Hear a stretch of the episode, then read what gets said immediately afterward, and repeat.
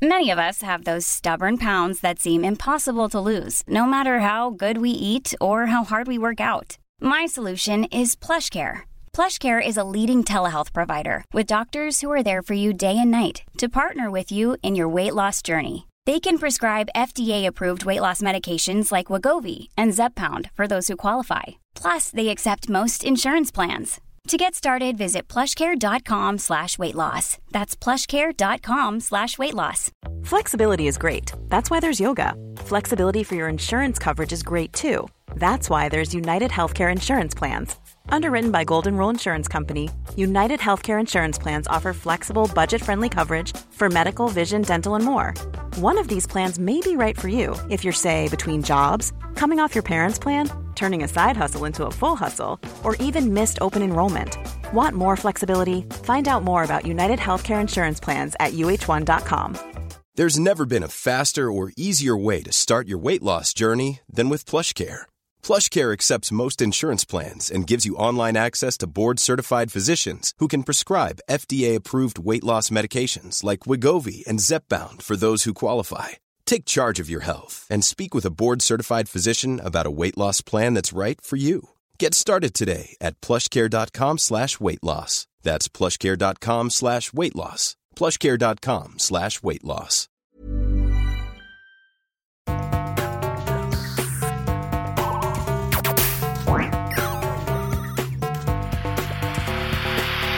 Jeg heter Sondre Livrød. Jeg er psykolog, og dette er Webpsykologens podkast.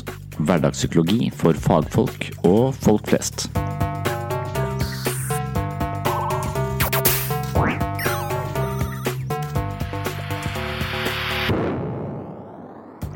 Velkommen til en ny episode av Sinnsyn. Dagens episode er forholdsvis kort, og dagens tema er terror og fanatisme. Spørsmålet er om det er mulig å si noe generelt om fanatikerens psykologi. Hvem verver seg til ekstreme grupper? Hvorfor verver de seg? Hva ligger bak et valg om å forlate sitt eh, vanlige liv for å bli med i en kult, en religiøs sekt, en politisk bevegelse eller IS? I litteraturen på området er det spesielt én bok som har gjort inntrykk på meg. Den er skrevet av Eric Hoffer og heter The True Believer. Han skrev den i 1951, i kjølvannet av nazismen, men jeg leste den nylig, og alt det han skriver om massenes psykologi, menneskets spirituelle hunger og gruppens kraft til å påvirke individet, slo meg som mer aktuelt enn noensinne. Hoffer er ingen fagperson, men hans observasjoner virker likevel skarpe og ganske tidløse. Hoffer spør hvorfor ekstreme bevegelser kan ha så stor innflytelse. Deretter foreslår han at det handler om en inderlighet som omslutter denne typen organisasjoner. Sterke politiske bevegelser har alltid en slags eh, religiøst tilsnitt. Hoffer mener eksempel at den franske revolusjonen egentlig var en ny religion, som skulle erstatte kirkens dogmer og ritualer med noe tilsvarende forankret i staten. Det samme gjelder den eh, bolsjevikiske og den nazistiske revolusjonen, i hermetegn. Hammeren, sigden og hakekorset er i samme kategori som korset, hevder Hoffer. De som står bak massebevegelser, eller det vi kaller eh, terroristorganisasjoner av den revolusjonære typen, er på jakt etter en stor og omfattende forandring i livet. Lederne av denne typen bevegelser vet dette, og derfor gjør de alt de kan for å flagge en bestemt ideologi knyttet til et håp om den store forandringen. De lover ikke sine tilhengere en gradvis endringsprosess, men snarere en altomfattende og umiddelbar forandring i sympatisørens liv. Normalt sett er det slik at vi melder oss inn i organisasjoner fordi vi har en personlig interesse i det organisasjonen jobber med. Slik er det sannsynligvis ikke med verken IS eller andre revolusjonære bevegelser. Her forholder det seg omtrent motsatt. De som velger å verve seg i revolusjonære bevegelser, har ofte et behov for å komme bort fra seg selv. Dersom vi ikke er fornøyd med den vi er, vår situasjon, status, anerkjennelse og andre psykologiske grunnvilkår, vil disse faktorene få mindre betydning dersom vi oppslukes i en større bevegelse. Individet og det individuelle selvet blir irrelevant i forhold til bevegelsens høyere og gjerne hellige målsetninger. Der individet tidligere opplevde frustrasjon og meningsløshet i sitt private liv, tilbyr bevegelsen en følelse av stolthet, mening, selvtillit og håp. Erik Hoffer påstår at troen på en større sak fungerer som en erstatning for den troen vi har mistet på oss selv. Det paradoksale er at en eh, oppgivelse av seg selv til fordel for noe som er større, ikke forsterker individets følelse av å være ubetydelig og håpløs, men snarere gir personen enormt med selvtillit og en kraftig forsterket følelse av egenverdi. Hvem verver seg egentlig? Hoffer skriver mye om hvilke mennesker som potensielt sett kan ofre seg for revolusjonære bevegelser. Ifølge ham er det spesielt tre grupper som utpeker seg. Nedre middelklasse, som ser alle goder, men selv er avskåret fra en del av godene på grunn av urettferdig fordeling. Godt bemidlede mennesker med alle verdens muligheter, men som mangler en følelse av høyere mening som kan gi livet sin nødvendige drivkraft. Den siste gruppen er mennesker som vegrer seg for å ta ansvar for eget liv. Det er også interessant å merke seg at Hoffer eh, forklarer hvorfor de fattigste ikke blir med i de revolusjonære bevegelsene. De fattige er altså ikke sannsynlige kandidater for radikale bevegelser. De er altfor opptatt av å overleve og har derfor ikke kapasitet til å engasjere seg i en høyere visjon.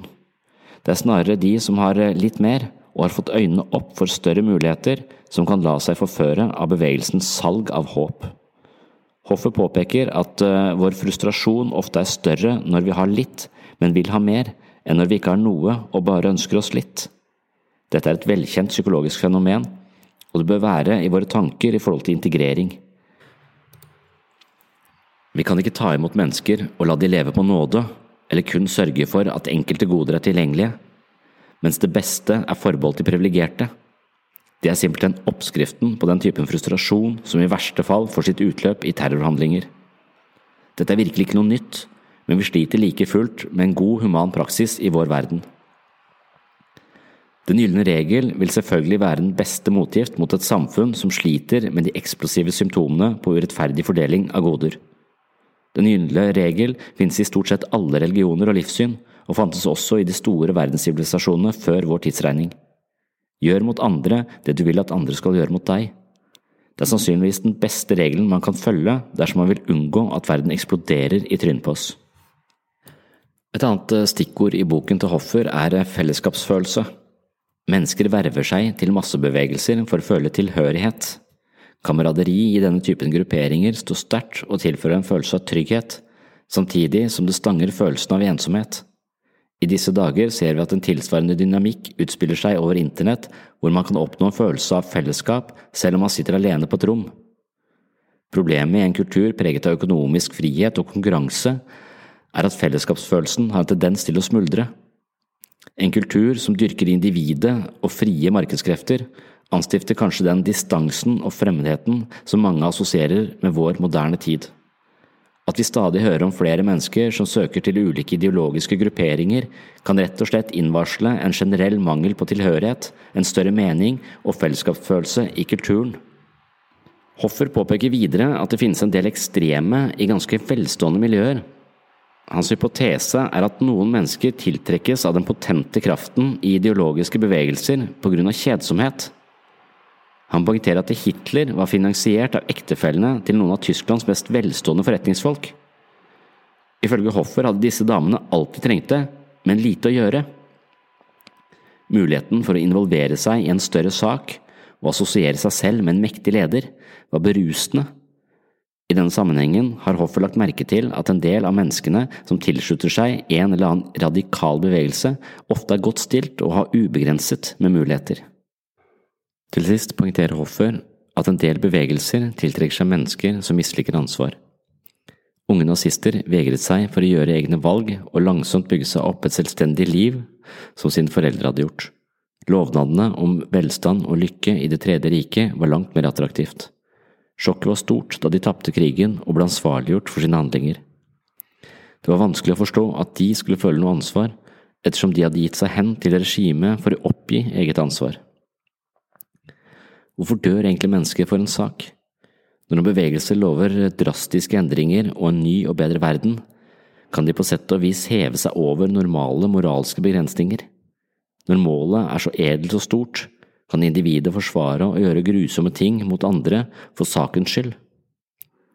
At målet helliger middelet, betyr at man er villig til å benytte hvilken som helst metode for å oppnå et bestemt mål.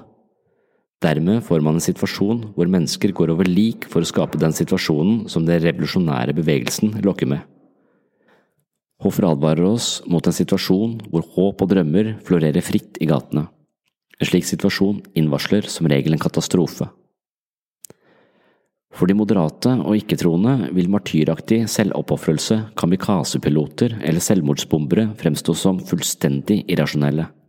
Men i en situasjon hvor man føler seg verdiløs og uten muligheter, samtidig som man er oppslukt i troen på bevegelsens edle hensikter og fantastiske målsetninger, er det ikke sikkert at viljen til å dø for en sak er så fjern. Før mennesket kommer så langt, har det imidlertid gjennomgått en lengre prosess, ifølge Hoffer. Her beskriver han noe som ligner det vi i dag kaller for radikalisering. Langsomt vil personen strippe seg selv for enhver følelse av individualitet. De vil absorberes i det som betraktes som en større hensikt. De er ikke lenger den personen venner og familie kjente.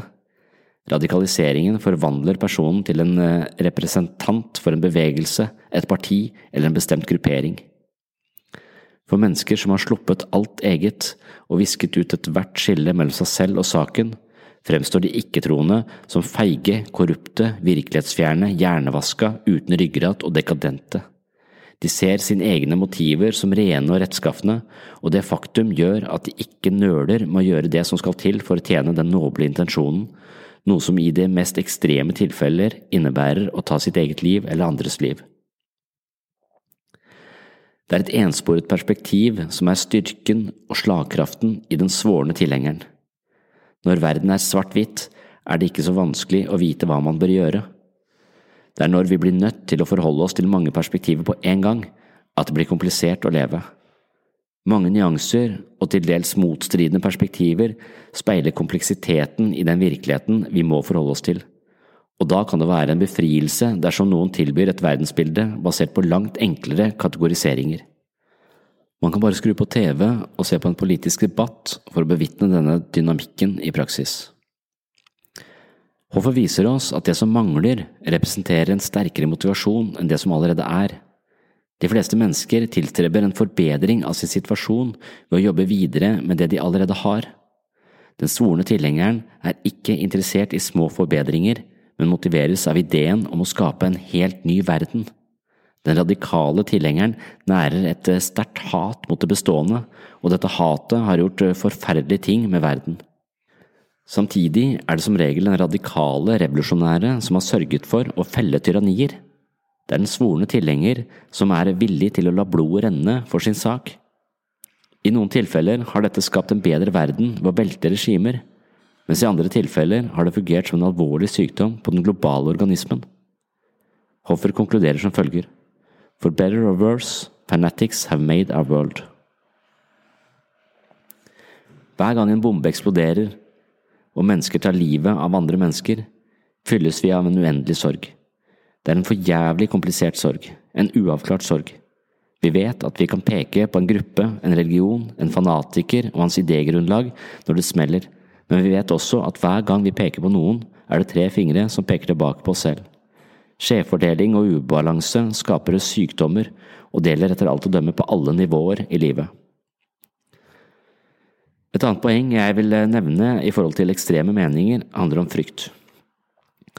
Når frykt ligger som en undertone i vår oppfattelse av virkeligheten, begrenses evnen til å innta nyanserte perspektiver. Ekstreme meninger slår rot, noe som videre kan fremprovosere ekstreme handlinger. William James regnes ofte som opphavsmannen til moderne amerikansk psykologi. Han har skrevet en anerkjent psykologisk lærebok i to bind kalt eh, The Principles of Psychology, hvor han blant annet beskriver bevisstheten som en kontinuerlig strøm, og begrepet stream of consciousness har vi for James. William James har øvet en stor innflytelse på psykologien som fagfelt, og her mot slutten av denne podkasten vil jeg kort gjengi en fortelling James har brukt som utgangspunkt for noe av sine tanker om den menneskelige syke. Kloden hviler på toppen av en skilpadde. Jorden hviler på toppen av en skilpadde, det er derfor vi ikke faller ned, sier den gamle damen og smiler. Men kjære deg, frue, sier James så høflig han kan, hva holder skilpadden oppe? Det er lett å svare på, sier den eldre damen, skilpadden står på toppen av en annen skilpadde. Jaha, sier James uh, fremdeles høflig, Men tør jeg spørre hva som holder den andre skilpadden oppe? Nei, nå må du da forstå, kjære professor, svarer damen, som innser at James forsøker å lure henne inn i en logisk felle. Det er skilpadder, skilpadder, skilpadder hele veien ned. Man kan fristes til å le av den gamle damen, men kanskje skal vi være litt forsiktige med å dømme henne. Hennes virkelighetsoppfattelse er kanskje litt merkeligere enn allmennhetens forståelse av jordens beskaffenhet, men hennes forståelsesmodell bygger på de samme prinsippene som alle andre forståelser av universet og jorden. Leonard Orr, født i 1938, var en alternativ helsearbeider som ofte assosieres med New Age-bevegelsen. Han har hatt mange ideer om menneskets psykiske og fysiske helse, men her vil jeg kun forholde meg til en ganske enkel oppdeling han gjorde av den menneskelige syke. Orr mener at menneskets mentale verden opererer på bakgrunn av to instanser, nemlig tenkeren og stadfesteren. Tenkeren kan potensielt sett tenke på hva som helst. Historien har vist oss at tenkeren kan forestille seg at jorden hviler på ryggen til en skilpadde, at jorden er flat, at jorden er hul, eller at jorden flyter rundt i universet som en rund ball. Innenfor religion og filosofi har tenkeren også utviklet mange tanker om menneskets natur. Tenkeren har tenkt at vi er dødelige, udødelige eller begge deler. Dødelige og udødelige i en reinkarnasjonsmodell. Eller rett og slett ikke-eksisterende, jf. noen retninger innenfor buddhisme som snakker om intethet. Tenkeren kan tenke seg inn i en eh, marxistisk eh, verden, et religiøst univers, et vitenskapelig eller relativistisk univers, eller et naziunivers. Det er mange muligheter. Psykiske lidelser kan av og til forstås på denne måten. Vi tenker oss inn i negative oppfattelser av oss selv og verden, noe som avstedkommer frykt, muskelspenninger, utskillelse av så mye adrenalin at vi får mageproblemer, osv. Våre tanker om tilværelsen binder all vår mentale energi opp i redsel og vaktsomhet til et nivå hvor blodtrykket er katastrofalt høyt, og vi frarøves evnen til å leve et tilfredsstillende liv med muligheter for å utvikle våre egenskaper. Isteden rammes våre tankerekker av en nedadgående spiral som anstifter stadig mer angst eller depresjon, avhengig av tenkerens destruktive virksomhet. På samme måte kan vi forstå psykoterapi som en talekur, hvor tenkerens negative ideer blir satt på prøve eller hjelpes inn på et nytt spor som gir mer livslyst og glede. Her vet vi også at desto mer frykt eller eh, kraftige negative følelser som jager gjennom et menneske, desto dårligere er vår evne til å sette ting i perspektiv. Sterke følelser knebler rett og slett vår evne til å vurdere oss selv eller virkeligheten på en realistisk måte. Og faren for at vi setter eh, oss fast i destruktive og kanskje farlige verdensoppfattelser er overhengende. Den såkalte stadfesteren opererer på noen langt enklere prinsipper, ifølge Orr. Stadfesteren har kun én lov å forholde seg til, og loven lyder slik. Uansett hva tenkeren tenker, skal stadfesteren bevise dette. Stadfesterens jobb er derfor å samle inn alle bevis som bekrefter tenkerens antagelser, og ignorere alle modifiserende eller motstridende innspill. Denne typen psykologisk forståelse er en ekstrem forenkling av menneskets mentale verden men i noen tilfeller kan det være en illustrativ måte å forstå i hvert fall deler av menneskelig atferd på. Et ytterliggående eksempel på denne mekanismen finner vi kanskje på spill under annen verdenskrig. Tenkeren har låst seg fast i en antakelse om at alle jøder er rike, at deres rikdom vil føre til maktovertagelse, og at disse dermed må stoppes. Eksempler på fattige jøder vil ikke rokke teorien, fordi tenkeren vil produsere nye tanker om at de fattige jødene har penger gjemt i madrassen eller noe lignende. Stadfesteren gjør alt han kan for å bevise disse hårreisende tankene, og jøder har historisk sett vært økonomisk dyktige, hvorpå tankegodset blir stående som sant i hermetegn. Hey, it's Danny Pellegrino from Everything Iconic. Ready to upgrade your style game without blowing your budget? Check out Quince. They've got all the good stuff, shirts and polos, activewear and fine leather goods, all at 50 to 80% less than other high-end brands. And the best part? They're all about safe, ethical, and responsible manufacturing. Get that luxury vibe without the luxury price tag. Hit up quince.com slash upgrade for free shipping and 365-day returns on your next order. That's quince.com slash upgrade. There's never been a faster or easier way to start your weight loss journey than with PlushCare.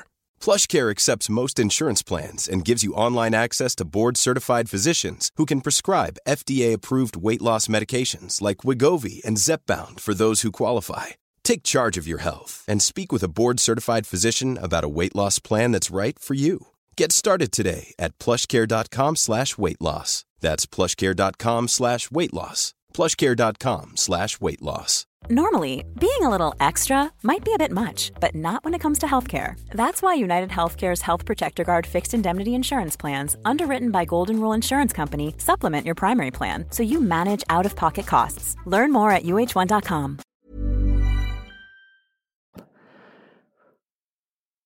På bakgrunn av ekstremt tankegods av den typen risikerer vi at mange mennesker utfører grufulle overgrep og massedrap på et helt folk. Dersom tenkeren tenker at sola går rundt jorda, vil stadfesteren organisere alle våre perseptuelle sanser slik at denne oppfattelsen blir stående som ufeilbarlig. Dersom tenkeren ombestemmer seg og antar at jorda går rundt sola isteden, vil stadfesteren reorganisere bevismaterialet og korrigere sansene slik at de nye tankene blir åpenbare. Den tyske fysikeren og nobelprisvinneren Max Born har uttalt uh, For the belief in a single truth is the root cause of all evil in the world. Oversatt blir det at troen på den ene sannheten er roten til alt ondt i verden. Kanskje er han inne på noe. Gjennom tiden har mennesker latt seg forføre av tanker og idétradisjoner som ukritisk holdes opp som sannhet og dermed fungerer som livsfarlige livsveiledere. Kvinner er brent på bålet som hekser, Inkvisisjonen tok livet av et utall kjettere for å opphøye kirkens dogmer som universelle, homofile er besatt av demoner, og stjernetegn bestemmer vår skjebne. Naturvitenskapen har i moderne tid seilet frem som et resultat av våre erfaringer. Vi har skjønt at menneskets forstandsevner er lett påvirkelige, upålitelige og stadig forkvaklet av vranglære. Den vitenskapelige metode tilstreber å eliminere menneskelige feilslutninger ved å fremskaffe mest mulig objektiv kunnskap. Det betyr ikke at vitenskapsmannen er immun mot de psykologiske betingelsene som styrer menneskelig erkjennelse, men en vitenskapelig metode er konstruert slik at den hele tiden etterprøver sine resultater, og i lengden vil denne typen kunnskap kunne overprøve individuelle fordommer og virkelighetsoppfattelser. I alternative miljøer er det ofte en motstand mot naturvitenskap, nettopp fordi den vegrer seg for å trekke forhastede slutninger. Vitenskapen kalles arrogant, mens det motsatte er tilfellet. Vitenskapen sier ingenting om tilværelsen før den har testet sine hypoteser i kontrollerte former. Dersom nye studier motbeviser en tidligere antakelse, tar vitenskapen dette til etterretning, i motsetning til individuelle overbevisninger som ofte forsterkes snarere, snarere enn modifiseres i møte med motforestillinger. Psykologien er opptatt av menneskets tidligste leveår. Det er fordi mange av våre grunnleggende antakelser om oss selv og verden etableres i tidlig alder. Våre tidligste erfaringer med verden legger seg som en eh, slags grunnmur i vår syke. Dersom vi utsettes for utrygge omgivelser, stadig separasjon, traumer, omsorgssvikt eller andre negative erfaringer, vil dette påvirke vårt syn på verden og oss selv. Det er sjelden vi husker våre erfaringer fra de tidligste leveår, men likevel blir disse erfaringene liggende som et slags stemningskompass, altså utenfor bevisstheten, noe som påvirker både tenkeren og stadfesteren i høy grad utover i livet. Føler vi oss uønsket eller oversett i tidlig alder, er det sannsynlig at dette skader vår selvoppfattelse. Vi risikerer å se oss selv som mindre verdifulle enn andre, og dermed genererer stadig nye negative tanker og bevismateriale som bekrefter disse antagelsene. Vårt liv styres dermed i retninger som underminerer vårt egentlige potensial. Dersom våre tidligste erfaringer tilsier at verden er et utrygt sted, vi utsettes for mye utrygghet eller vokser opp med svært engstelige foreldre og opplever at andre mennesker er farlige eller fiendtlige, kan dette bli en grunntone i vår virkelighetsoppfattelse.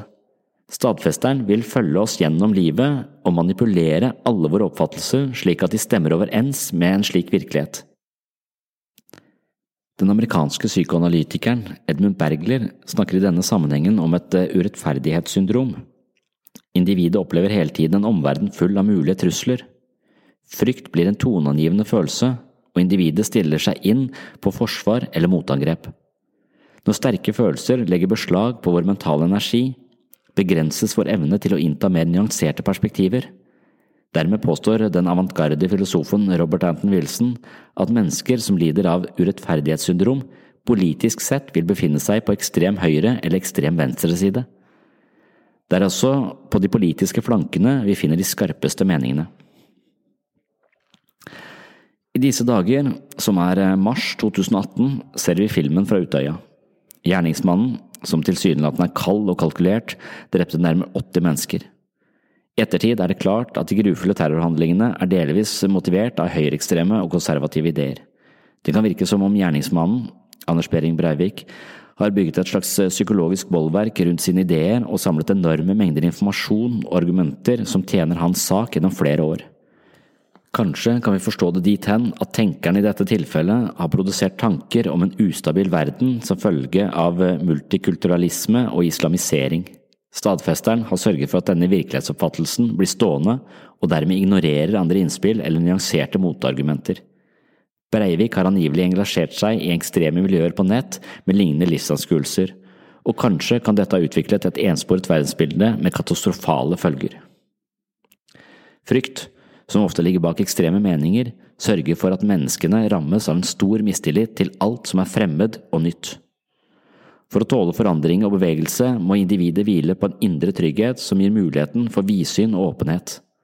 I møte med ekstreme meninger, enten de ligger på høyre- eller venstresiden, er det sannsynlig at den indre tryggheten ikke er etablert, eller skaket på grunn av skremmende erfaringer, også i voksen alder, og i verste fall blir frykten så stor at virkelighetsoppfattelsen innsnevres til det fanatiske, og da kan reaksjonene bli både fiendtlige og eksplosive. Massakren på Utøya og bombene i regjeringskvartalet er ufattelige.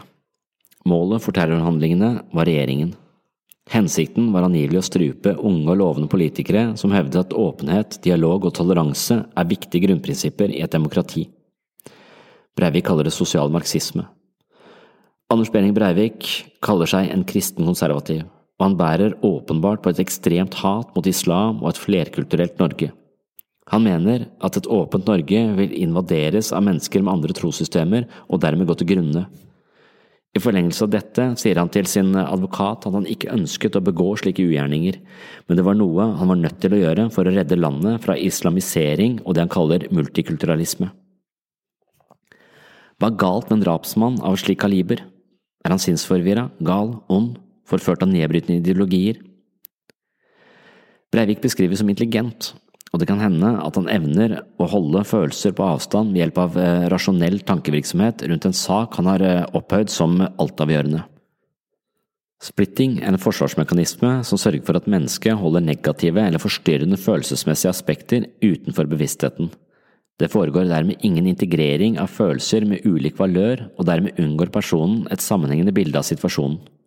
Det er nærliggende å anta at en ideologdrevet drapsmann opererer med splitting som en avgjørende psykisk mekanisme. De psykiske forsvarsmekanismene har en viktig funksjon i forhold til å opprettholde en opplevelse av virkeligheten som vi kan tåle, noe som sikrer en form for sjelefred. I Breiviks tilfelle kan det hende at splitting gir ham sjelefred, men det har resultert i en forvrengt virkelighetsoppfattelse med døden til følge. Splitting og projeksjon er også psykiske forsvarsmekanismer forbundt med jødeforfølgelse i Nazi-Tyskland.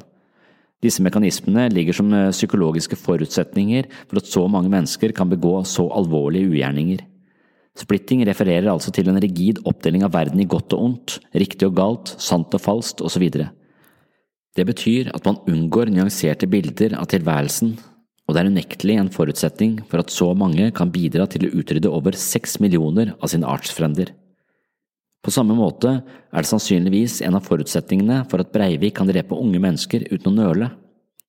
Og kanskje dreper han akkurat regjeringen og medlemmer av AUF fordi disse menneskene nettopp står for nyanserte oppfattelser av tilværelsen som følge av deres stadige appell til åpenhet.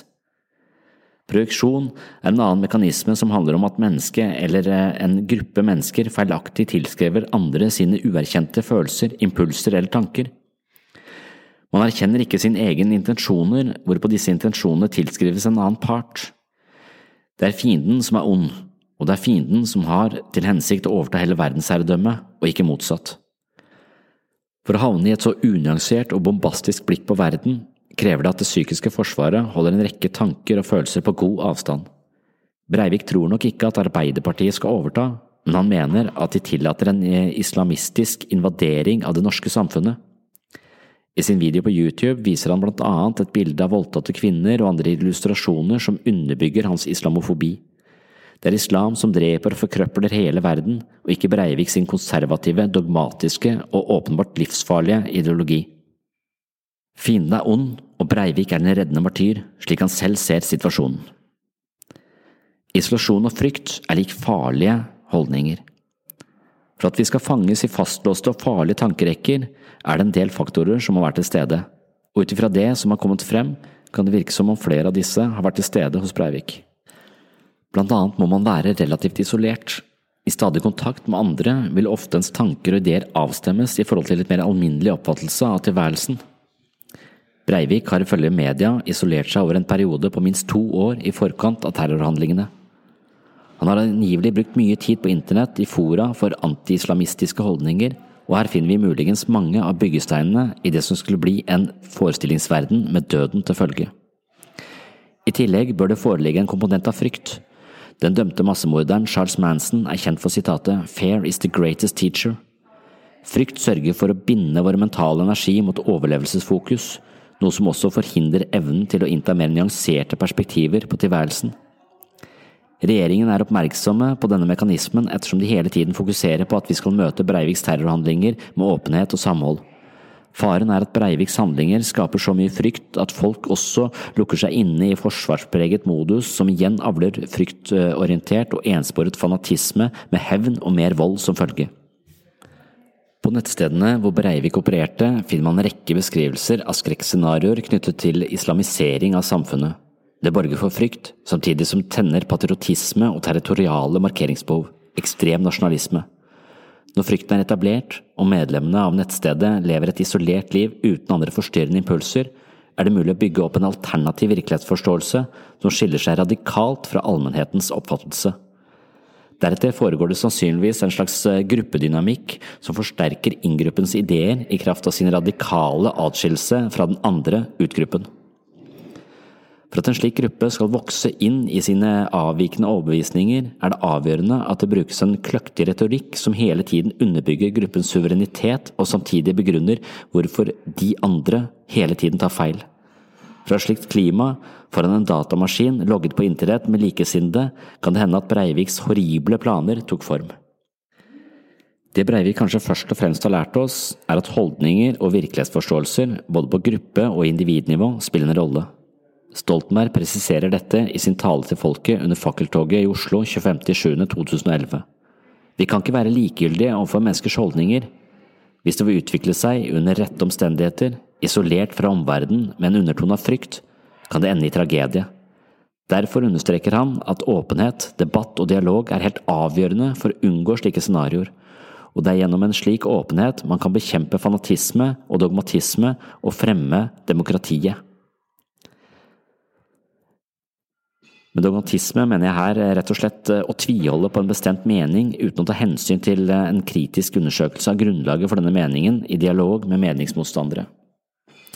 Kanskje er det evolusjonsbiologen Richard Dawkins som har den beste forklaringen på dette fenomenet i sin teori om såkalte memer.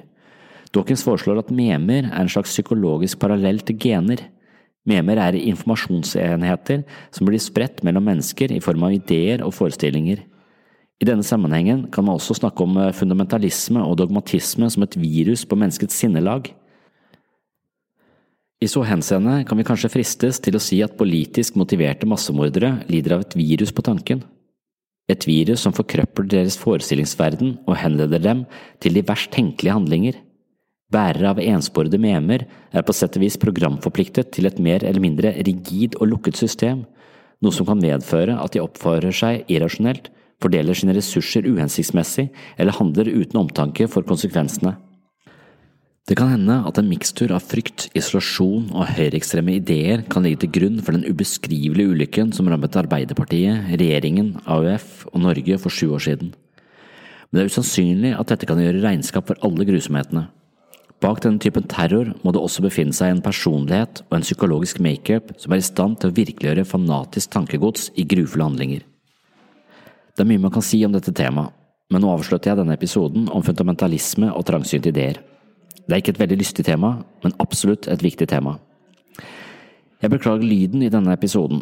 Jeg sitter på en bar i Danmark, og det var rett og slett det beste stedet jeg fant. I leiligheten hadde mine barn forstyrret meg mer enn dama som insisterte på støvsuger hver gang jeg startet opp innspillingen. Det du tidvis hører i bakgrunnen, er en dame som støvsuger og boner gulvet på denne baren, og det oppstår en slags stilltiende kamp mellom meg og henne. Jeg tapte kampen, og dermed har jeg snakket med en støvsuger i bakgrunnen gjennom nesten hele denne episoden. Jeg håper på bedre forhold i neste episode.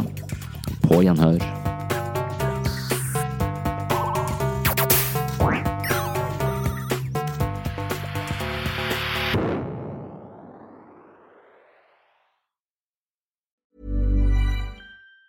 Even on a budget, quality is non-negotiable. That's why Quince is the place to score high-end essentials at 50 to 80% less than similar brands. Get your hands on buttery soft cashmere sweaters from just 60 bucks, Italian leather jackets, and so much more. And the best part about Quince, they exclusively partner with factories committed to safe, ethical, and responsible manufacturing. Elevate your style without the elevated price tag with Quince. Go to quince.com slash upgrade for free shipping and 365-day returns. Planning for your next trip? Elevate your travel style with Quince. Quince has all the jet setting essentials you'll want for your next getaway, like European linen, premium luggage options, buttery soft Italian leather bags, and so much more. And is all priced at 50 to 80% less than similar brands. Plus, Quince only works with factories that use safe and ethical manufacturing practices. Pack your bags with high-quality essentials you'll be wearing for vacations to come with Quince. Go to quince.com slash pack for free shipping and 365-day returns. Flexibility is great. That's why there's yoga. Flexibility for your insurance coverage is great too. That's why there's United Healthcare Insurance Plans.